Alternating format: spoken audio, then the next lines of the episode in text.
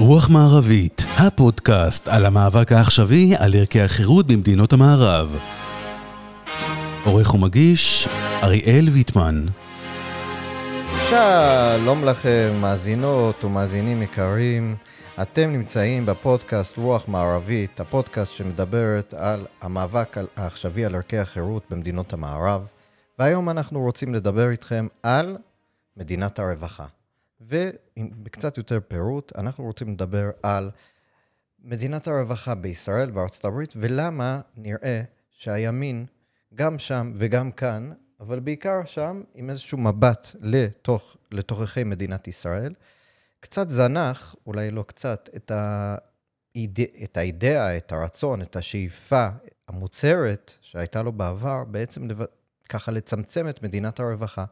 לאורך השנים היסטורית, הימין, בין אם זה היה, אנחנו מסתכלים אחורה, בדיוק היום קראתי מש, אה, מאמר של מילטון פרידמן, הימין תמיד דיבר על הצמצום של, המד... של מדינת הרווחה מתוך אה, תפיסת עולם שהמדינה פשוט גרועה במה שהיא עושה, שהמדינה כופה על האזרחים את אה, רצונותיה, ולא בהכ... בהכרח אה, מביאה לתוצאות טובות, אלא שבשנים האחרונות אנחנו רואים אה, התרחקות של הימין אה, מדיבור למשל על הגירעון, למשל אה, מדיבור על צמצום של תוכניות רווחה.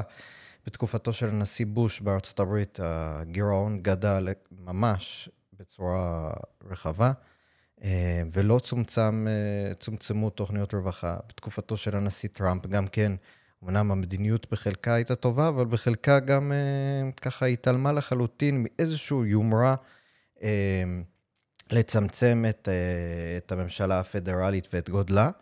אה, ובד בבד, בשני הנשיאים האחרונים שבאו מהימין, אנחנו ראינו מצד אחד קיצוצים במיסים, ומצד שני לא ראינו בהתאם איזשהו קיצוץ בהוצאות הממשלה, אה, דבר שכמובן מגדיל את הגירעון ולא בהכרח מהווה משהו חיובי. ונדמה שבמיוחד עם עליית הפופוליזם, גם בארצות הברית וגם בישראל, אנחנו רואים איזושהי זניחה, אה, הזנחה של אה, רעיונות של אה, אולי ימין כלכלי של אחריות פיסקלית, יחד עם איזושהי פזרנות, פזרנות של כספי ממשלה ומיסים. והשאלה היא למה זה כל זה קורה, מאיפה זה מגיע, מה, מה השינוי הגדול הזה. לשם כך, אנחנו רוצים לדבר עם מייקל אייזנברג, שהוא קודם כל אה, מייסד, מנהל שותף של קרן ההון סיכון א', הוא מחבר סדרת אה, אה, ספרי עץ החיים והכסף, כולל הספר חלב ודבש ואי ודאות, וכמובן הוא בעל טור בגלוב שמחבר בין פרשת השבוע ל... לעולם הכלכלה והפיננסים. מייקל, שלום לך, מה נשמע? תודה שאתה איתנו. תודה שהזמנתם אותי. אני מבין שלהיות בפודקאסט הזה צריך uh, מבטא אמריקאי, במיוחד רש, מת... לא, רש לא מתגלגל. נכון, זה... מה לעשות. Uh, האמת היא שאנחנו, אני עליתי לפני uh, 18 שנה לארץ, ופשוט נתקעתי עם הרייש, ואין מה לעשות. אני לפני 29 שנה, ועדיין אני נתקעתי עם הרייש. אתה יודע למה אני כותב ספרים בעברית? נו. כי בכתיבה אין מבטא. כן, אותו דבר כאן בעיתון. אבל בסדר, צריך גם להכיר את הקול שלנו. רציתי לשאול אותך, אה, ככה לספתח, קודם כל, אה, אם תוכל, אתה הרי מכיר גם את ארצות הברית וגם את ישראל טוב, אה, ובעצם, אה, קודם כל נתחיל עם ארצות הברית, כי זה ה... ככה התחלתי משם, ומשם, ומשם אנחנו נזוז ונסתכל על ישראל באיזשהו מבט השוואתי. אמ, אז כמו שאמרתי, מה בעצם, איך, איך אנחנו יכולים להסתכל כישראלים עם עמדות אה, של ימין כלכלי, של איזושהי עמדה בסיסית שתומכת בחירות ובשוק חופשי, על, על, אתה יודע, על הסוג של כמעט זניחה של רעיונות מסוימים שהיו בעבר נחלת הימין ככלל. למשל, אמרנו, צמצום מדינת הרווחה, או גודלה של הממשלה. שזה כאילו ככה נזנח מהשיח.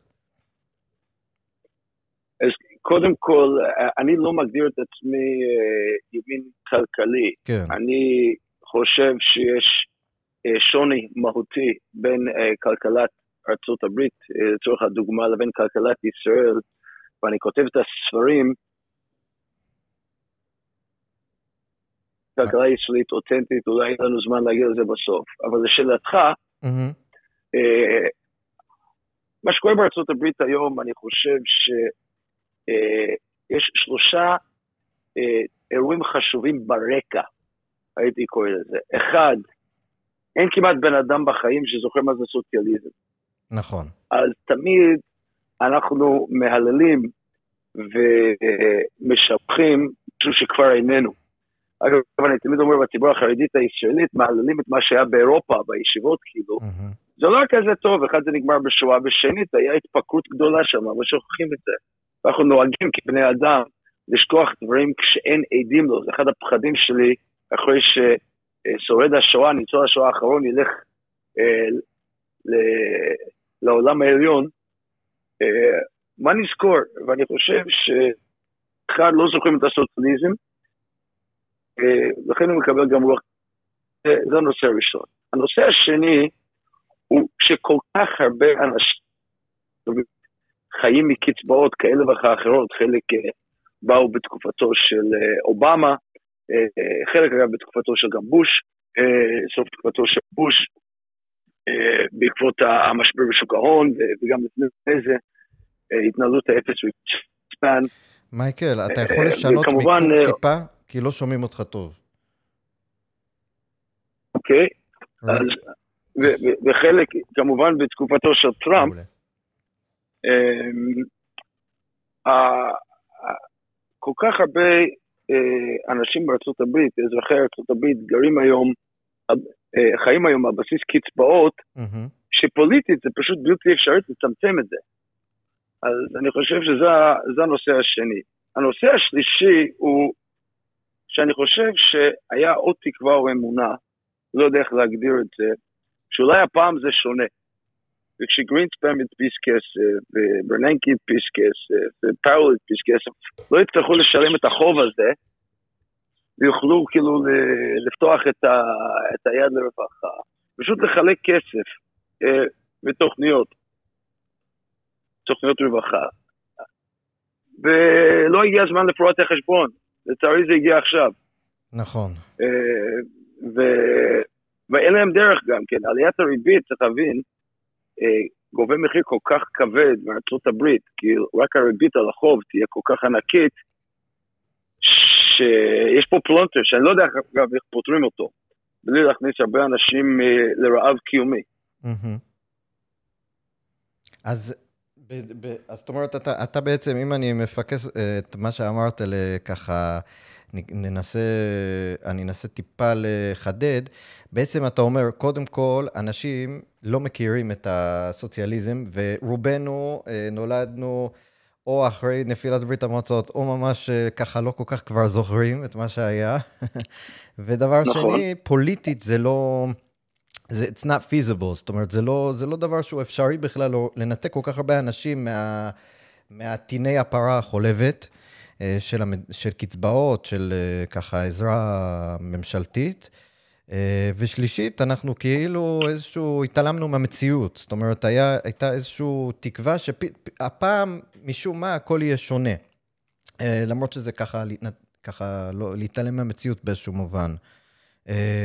נכון? והשאלה שלי בעקבות הדברים שלך היא איך אנחנו כישראלים, כי על זה באמת אנחנו בסוף, בסוף שנינו גרים פה, אומנם עם המבטא והכל, אבל אנחנו פה.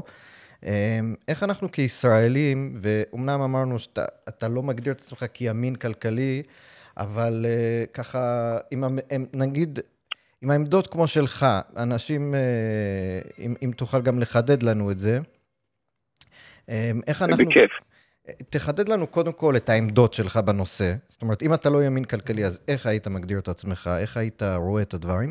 ודבר שני, איך ב- בהתחשב במצב בארצות הברית, איך אתה רואה את הדברים כאן? איך אנחנו צריכים להסתכל על מה שקורה שם? אז עוד מילה בארצות, על ארצות הברית בשביל אה, אה, להיכנס לדברים על ישראל. מהמם, בארצות הברית נתפס האירוע עכשיו כמה שקורא לו משחק סכום אפס. נכון. בא אליזבת וורן למשל, ברני סנדרס, אלכסנדרה אוקיסו קורטז, AOC, ואומרים, צריך להעלות את המיסים על העשירים בשביל לחלק את זה, נקרא לזה, ל-working class או לעניים. הם כבר התייאשו מצמיחה כלכלית אמיתית. כן. ולהגדיל את העוגה לכלל האוכלוסייה. יש לכמה וכמה סיבות. אחד הוא שפשוט המדינה נכשלה בהכשרת דור עתיד במיומנויות של המאה ה-21. זה דבר ראשון. דבר שני, הם חיים עדיין באיזשהו עורגה לשנות ה-50 וה-60, עת שהממשלה האמריקאית הצליחה לעשות דברים מדהימים, למשל החליטו אה, מישהו על הירח, כן? כן. אה, פיתחו אה, תעשיית אה, חלל מאוד אה, מפותחת, אה, בנו את, ה, את הנתיבים המהירים, את ה-highways בארצות הברית. וזו לא אותה ארצות הברית, mm-hmm. היא לא מדינה שהריכוזיות בה שולטת כבר, והיא כבר אינה, איננה יכולה לבטא את המשימות האלה, אבל עדיין העוגה הזאת אה, לעבר המפואר של הריכוזיות שולטת בה. אה, אני חושב שבישראל מצבנו כמעט הפוכה מארצות הברית. אחד, עדיין הקיבוצים נשארו ודור הסוציאליזם עדיין נמצא פה, ומבינים שהאיכות חיים במדינה הזאת התפתחה פלאים מאז שפתחנו את הכלכלה, אה, בעשורים האחרונים. והזיכרון הזה עדיין אה, טרי. נכון. ואני חושב שאין אין, אין, אין כמעט אדם במדינה הזאת אה, שרוצה לחזור לימי הסוציאליזם והאיכות חיים היהודה יותר, הייתי קורא לזה, שהיה פה. ולכן, אגב, גם פוליטית פה, אני לא חושב שיש אי הסכמה, בוא נגיד ב-75-80 אחוז מהמדינה ומהכנסת, על ששוק חופשי הוא דבר טוב. זה דבר ראשון. דבר שני, אה, מידלתי את זה אתמול, זה מעניין. אתה יודע, יש הרבה דיבורים היום על זה שאנחנו אה, שיאנים בעולם במכירות אה, נכון. לארבע שנים. סוף סוף הגענו לאיזה ראש איזה טבלה. כן. אה, ו... אז מידלתי את זה אתמול לא על כמה בחירות יש לנו כל ארבע שנים, אלא מדינות שיש להן בחירות אה, תכופות ורצופות, מה הצמיחה הכלכלית שלהן. כן. מה הגידול, נקרא לזה, בתל"ג והכנסות ממיסים. תתפלא אגב, שמדינות עם אה, יותר בחירות יש להן צמיחה יותר גדולה בתל"ג, במיוחד זה נכון במדינת ישראל, זה נכון גם באירלנד אגב.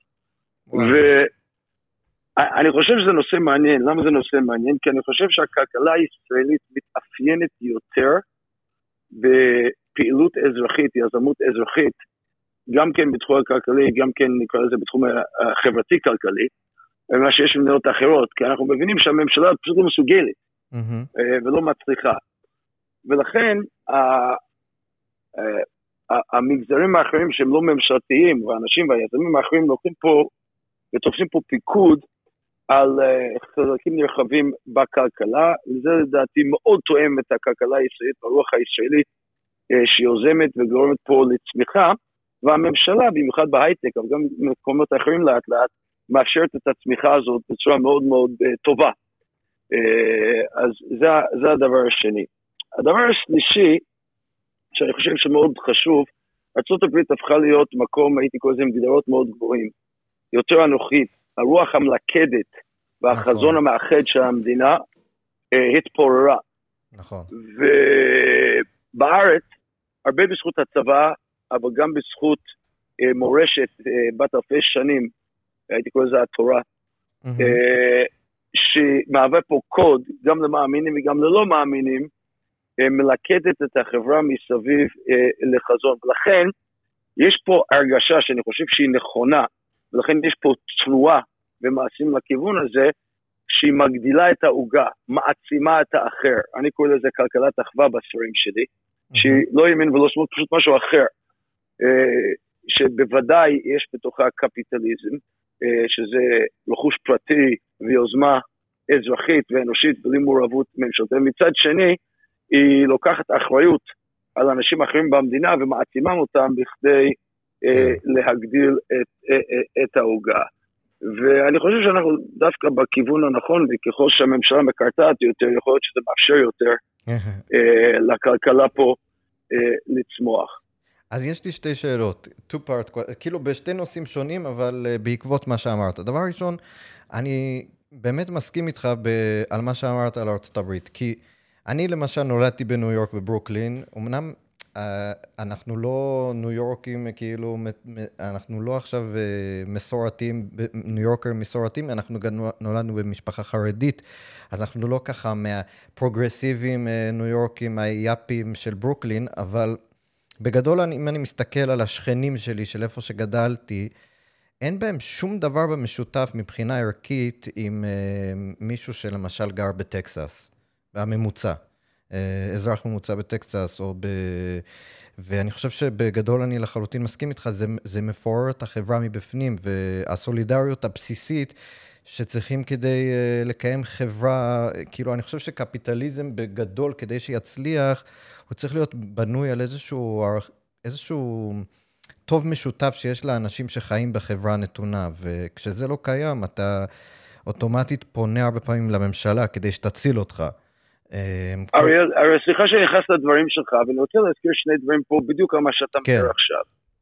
אחד, אה, כל מי שמאמין בקפיטליזם, ואני כמובן מאמין בקפיטליזם, אה, מצטט את אדם סמית, כן? אה, האופה והברואר, ברואר זה נכון. מי שמבשלת בירה כזאת, כן? כן, ינן, כן, מבשלת בירה. שזה נכון. אבל, אבל הם שוכחים דבר אחד. אדם סמית אה, כתב את דבריו ברקע חברתית דתית מאוד מסוימת. נכון. הפרוטסטנטיות אה, צמחה, הרפורמיישן קרה, ויש קהילתיות אה, נוצרית אה, בסקוטלנד ובאנגליה, אה, שהיא היוותה את הבסיס הערכי עליו צמח הקפיטליזם. וזה נושא ששוכחים אותו המון. ארה"ב ואירופה, ככל שנהיו יותר, אני אקרא לזה חילוניים, אבל הייתי אומר יותר אה, בלי קוד ערכי משותף, אה, אז גם הקפיטליזם מתפורר. כן. דווקא המסורתיות בארץ והלכידות החברתית מסביב לקוד משותף מאפשר לקפיטליזם של אדם סמית לצמוח בכיוון הנכון. ואני חושב שזו נקודה ש... לא מספיק שמים לב אליו. אני מסכים. אה, והקהילתיות והערבות ההדדית חיונית לקפיטליזם, כמו שהקפיטליזם חיונית לצמיחת המשק ולהמשך ערבות הדדית ולהגדלת העוגה. ודרך אגב, בגלל זה גם, אם אתה מסתכל על ארה"ב, אני חושב שזה, אי אפשר כאילו לנתק מזה את העניין, שככל שהמדינה היא יותר דתית, היא תהיה עם יותר, אה, עם גישה יותר פרו-עסקית. זאת אומרת, ככל שלמשל... אה, אני, אני פשוט מסתכל על המדינות בארצות... הייתי קורא לזה מסורתית ולא דתית, אבל אני מסכים. מסורתית, כאילו ככל כמה שקהילתיות תהיה יותר חזקה. אנחנו לא בדיוק. הכרנו את השכנים שלנו בניו יורק, לא הכרנו. כשאתה הולך למשל, דוד שלי עבר לטקסס, הוא מכיר את כל הרחוב. וזה לא בהכרח בגלל, אה, אני חושב, הוא לא איזה בן אדם דתי בהכרח, אלא יותר... יש סוג של מסורתיות קהילתית כזאת, של ערבות הדדית אפילו, אפשר לקרוא לזה. אני חושב שזה לחלוטין אה, עניין נכון, אבל על ה flip side... אגב, כן. אגב, זה אריאל אלקסיס דה טוקוויל, כאילו... נכון, Democracy in America. הוגה הדעות הגדול, בדיוק, Democracy על דמוקרטיה בארצות הברית, מה הוא כתב? הוא אמר שבארצות הברית יש קהילתיות. כולם מכירים את כולם. נכון. בדיוק.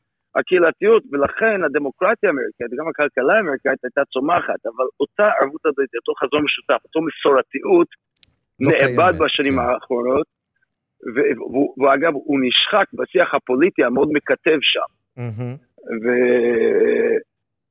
ואני חושב שמי שרוצה לשמור על הכלכלה הישראלית, צריך לשמור פה על הערבות ההדדית, המסורתיות, במובן הרחב של המילה, ממש הרחב של המילה, אה, ואת החזון שנובע מכך, שאנחנו צועדים לאותו מקום, כן. ולא לקיטוב. אז, והמסורתיות אז... הזאת, אגב, צריכה להיות מכלילה מספיק.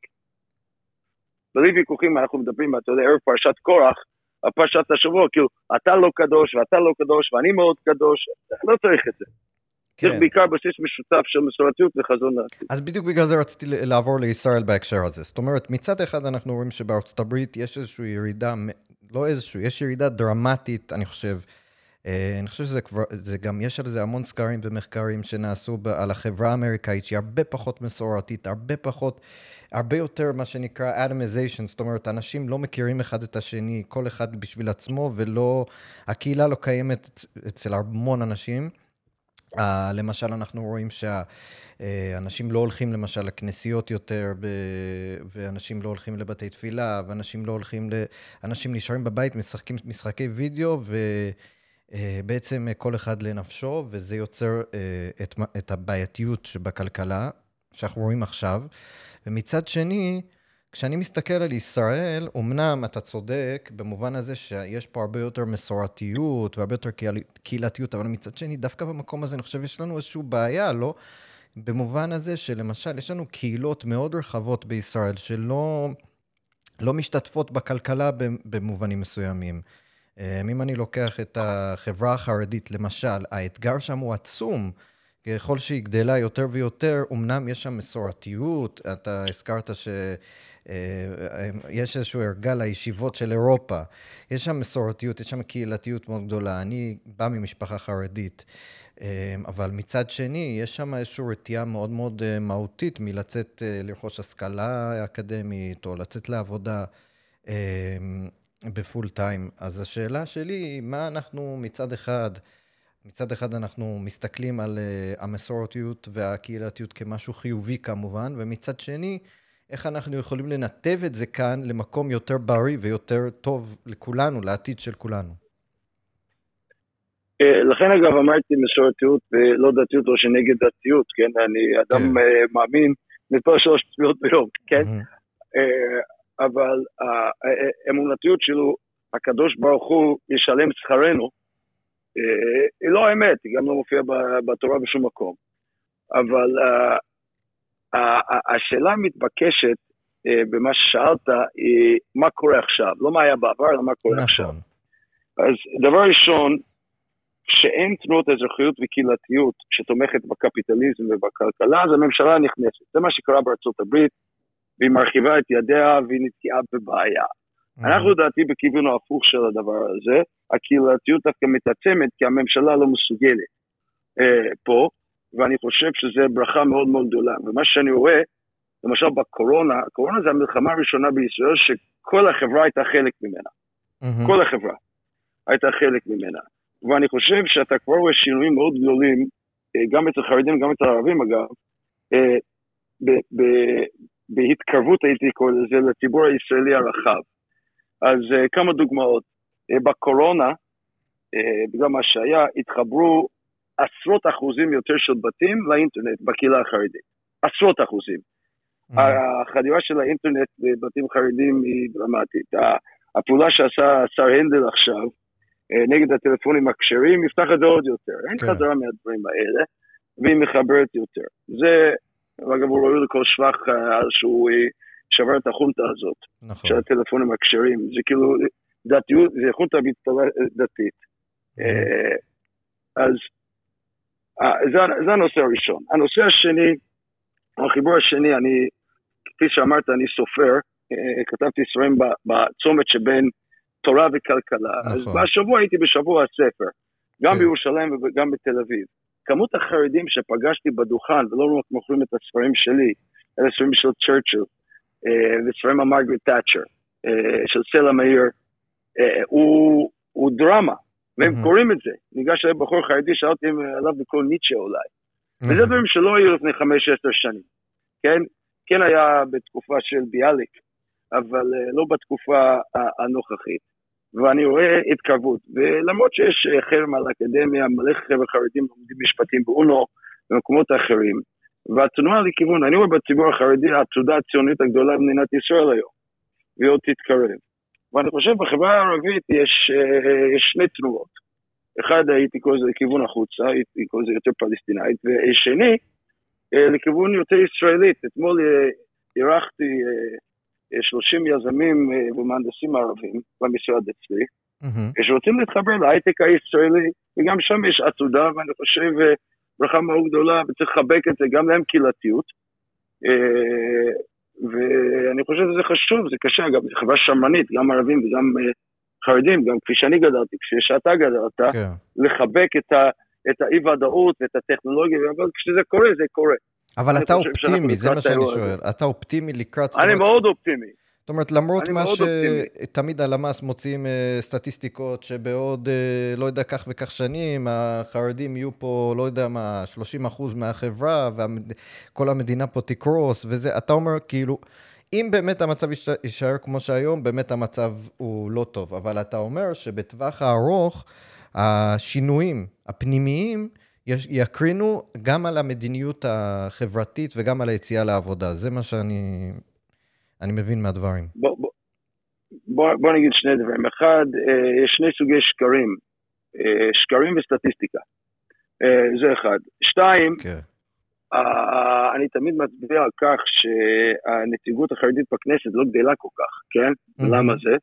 No. כי יש התקרבות למרכז הישראלי למרות הגידול הדמוגרפי. ואני חושב שמיעוטים לא רוצים להישאר מיעוטים, רוצים להתקרב לרוב. זה, זה כאילו הדבר השני. אבל הדבר המהותי באירוע, אף אחד לא רוצה להישאר עני לנצח, ואף אחד אה, לא חושב שהמדינה יכולה לתמוך בכל כך הרבה, אה, הייתי קורא לזה, אה, נדבנות אה, אה, חברתית אה, בכסף. כלכלה צריך לתמוך את עצמה. נכון. וחרדים שהם 30 אחוז, הם לא חרדים שהם 10 אחוז, זה מיעוט אחר, וזה כן. חברה אחרת. וככל שחברה גדולה, אז אה, הבקעים אה, נוצרים, ואנשים יוצאים החוצה, וכבר אתה רואה, כאילו צריך אה, להרחיק לכת, את כל זה משפחות מעורבות, כן. שהן חרדיות, מגיעות לחתונות, והכל טוב, ברוך השם הכל טוב, אנחנו מדינה יהודית.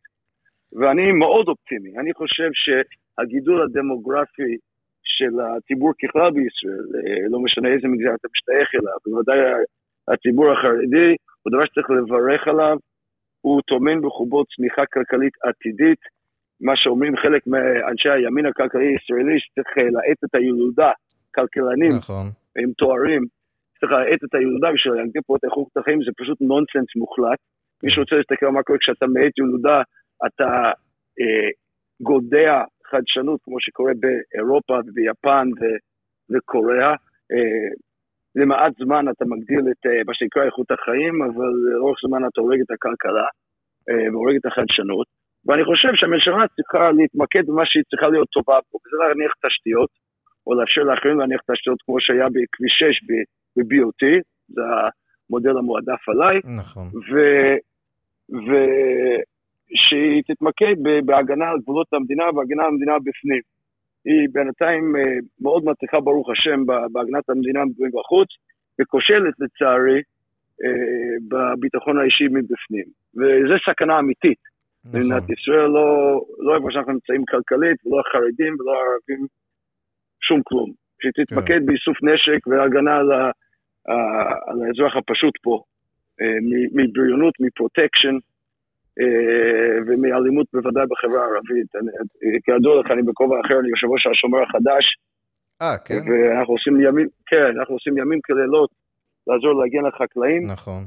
והלוואי שהביטחון פנים היה משתף פה פעולה, אה, והיינו עושים משהו יפה ביחד. כן, זה באמת, אה, את מסכים עם כל מילה? לתפארת מדינת ישראל, כן. יוזמה אזרחית טובה. יש לי שאלה אחרונה. אתה, זאת אומרת, אני, אני לא אני פשוט לא, לא רשמתי את השאלה הזאת, אבל אני לא יכול שלא לשאול אותה. אתה, אתה מדבר פה כאילו על הדברים בצורה מאוד חיובית, ואני די מסכים עם הכל. ומצד שני, כמו שאמרנו לפני כן, המדינה, עכשיו אנחנו הולכים לבחירות חמישיות בתוך שנתיים. זה נראה כאילו יש פה איזושהי ניגודיות מאוד מאוד חזקה, כמו שאמרת בחברה הערבית, אבל אני חושב שבחברה בכלל. איך אתה מסביר את העובדה שאנחנו מצד אחד באמת... הערכים המשותפים כאן רק גדלים. זאת אומרת, אנחנו רואים את זה גם לדעתי בכל המחקרים שנעשים כאן. הציבור, יש איזה משהו כמו 70-80 אחוז פחות או יותר שמסכים על ה, בגדול על העקרונות שהיינו רוצים לראות כאן במדינה. ומצד שני, אנחנו לא מצליחים לייצר פה איזושהי יציבות, זה לא רק פוליטית, אלא יציבות אה, בשיח הציבורי, יציבות ב... בתחושה, ה... זה באמת אה, כבר נהיה, אנשים, פעם היית אומר בחירות, אנשים היו מדליקים את הטלוויזיה לראות מה הסקרים האחרונים אומרים, מה זה, ואומר, אתה לא, זה לא מעניין אף אחד, כי כבר אין לאנשים כוח. אז איך אתה מסביר את הניגודיות הזאת בין מצד אחד השייכות ככה הרחבה של החברה, ומצד שני החוסר יציבות הפנימית? יש כמה הערות. אחד, תאוות השרה השתלטה על תאוות השירות לאזרח. צריך כן. להגיד את זה בריש גלי, לא צריך להיבהל מזה, זה קרה, זה קורה, כמו שאמרתי על קורח, אה, תאוות השרה השתלט עליו. משתלט על הרבה אנשים אה, היום, אני אומר בצער, והשיטה גם אוכלת אותם, אנשים טובים אוכלים לשם, כן? אבל השיטה כל כך מורכבת, לזה אני אגיע עוד שנייה, שהם נאכלים שם, זה אחד, אה, ומתבלבלים. הדבר השני, ופה אני מציין עובדה, אני חושב שמשפיע הראשון, אנחנו חיים בעידן של אה, רשתות חברתיות. ברשתות החברתיות, הצורך להגיב ולתת גם טוב, ושיעשו לך גם לייקים, היא, היא מאוד אנושית מצד אחד, והיא מאוד טבעית אם אתה רוצה להיבחר אה, מצד שני. והיא ממהרת פה את הכל, זה בקצב אה, מטורף. נכון. והפוליטיקאים שעומדים אה, להיבחר כל שני וחמישי, חושבים שהם יכולים להגיב על זה. וזה הופך להיות מה שאני קורא short termism, כאילו הכל לטווח קצר ושום דבר לא, לא לטווח ארוך. זה אגב אגב, פרשת שבוע זה דתם ואווירה, מה הם אומרים? משה, הבטחת לנו, לא הגענו. רגע, רגע, נכון. רגע. להסתכל לטווח ארוך. אמרה לי רקפת רוסק המינוח, הייתה מנכ"לית בנק לאומי, שמנהיג, ואני חושב שהיא צודקת, צריך להיות מסוגל to be hated. היא צריכה להיות מסוגל ומסוגלת שישנאו אותה קצת. נכון. זה טוב, זה בסדר. והם צריכים להיות מוכנים, גם אני אגיד, רגע, רגע, רגע, לא רק צריך להגיב עכשיו, בואו נסתכל לטווח ארוך, אפילו אני אוהב בפופולריות ואני אביט מקומי, אני רוצה להיות מנהיג לטווח ארוך. זה אני חושב מאוד קשה, מאוד קשה, מאוד קשה בעידן של הרשתות החברתיות. זה אני חושב הנושא השני. הנושא השני, כתבתי על זה מאמר לפני איזה 12 שנה בגלובס, כתבתי, יש פה שתי מדינות לעם אחד. יש להם מדינה יפה של התנועות האזרחיות והכלכלה והאזרחים, יש מדינה של פקידים ופוליטיקאים. והם מתנהלים די לבד, אה, חוץ משיש ממשק אה, וחיכוך. אני טוען שהם עובדים בשתי מערכות הפעלה שונות, אחד עובד במערכת ההפעלה של האייפון והאנדרואיד וכן הלאה, והשני, במקרה הטוב עובד עם אה, חלונות 95, במקרה הרע עובד על סוס בפרט. נכון. אז הוא פרדה. רואים את זה עכשיו בחינוך. כן, אתה יודע, זה גורם לחיכוך, כשדבר אחד זז בקצב אחד והשני בקצב אחר, יש, יש חיכוך, ככה נוצרת חיכוך. והיא תתמיד פה עד שיהיה פה קצת קרייסיס, משבר. לצערי, בחירות במדינה הזאת זה לא קרייסיס, זה לא נכון. משבר, כי אנחנו כבר התרגלנו אליו. כן. כן. הוא יגיע מתישהו, ואז אה, נתקן גם אותו. כן. בעזרת השם. אז אה, מייקל, תודה רבה על האופטימיות. קודם כל, עשית לנו טוב על הלב. אה, רציתי להודות ל... לא טוב על הלב, באמת, באופן יחסי. כן. וגם באופן אבסולוטי, טובה הארץ מאוד מאוד. אנחנו במקום טוב.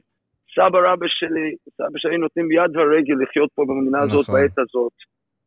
צריך לברך על הטוב, וצריך לעשות יותר טוב, צריך להעצים אחרים, ולקחת ערבות על אחרים, ולבנות לו כלכלה יותר פורחת ויותר טובה ליותר אנשים. ועם זה אומר ציון גואל, באמת, בוא, בוא נפשיר שבולים, נתחיל לעבוד. נכון. אז תודה רבה מייקל. רציתי להגיד תודה למייקל אייזנברג, מייסד ומנהל שותף של קרן ההון סיכון א', מחבר סדרת עץ החיים והכסף, והכסף, כולל הספר חלב ודבש, אי ודאות, וכמובן בעל טור בגלוב שמחבר בין אה, כלכלה ופרשת השבוע. תודה רבה לך מייקל, ותודה רבה לכם, מאזינות ומאזינים, שהצטרפתם כאן לרוח מערבית, הפודקאסט שדן על אה, ערכי החירות העכשוויים, בתר... המאבק על ערכי החירות העכשוויים בתרבות המערב. תודה רבה ליניב בנימיני ובי פודקאסטינג שהפיקו את התוכנית. וכמובן, אני מזמין אתכם ואתכן להצטרף אליי בספוטיפיי ובכל הפלטפורמות האפשריות שבו שומעים podcasting. ואני כמובן זמין לכם ברשתות החברתיות, בפייסבוק, בטוויטר, ואם אתם רוצים לפנות אליי אישית, אני אשמח לקבל הערות. תודה רבה.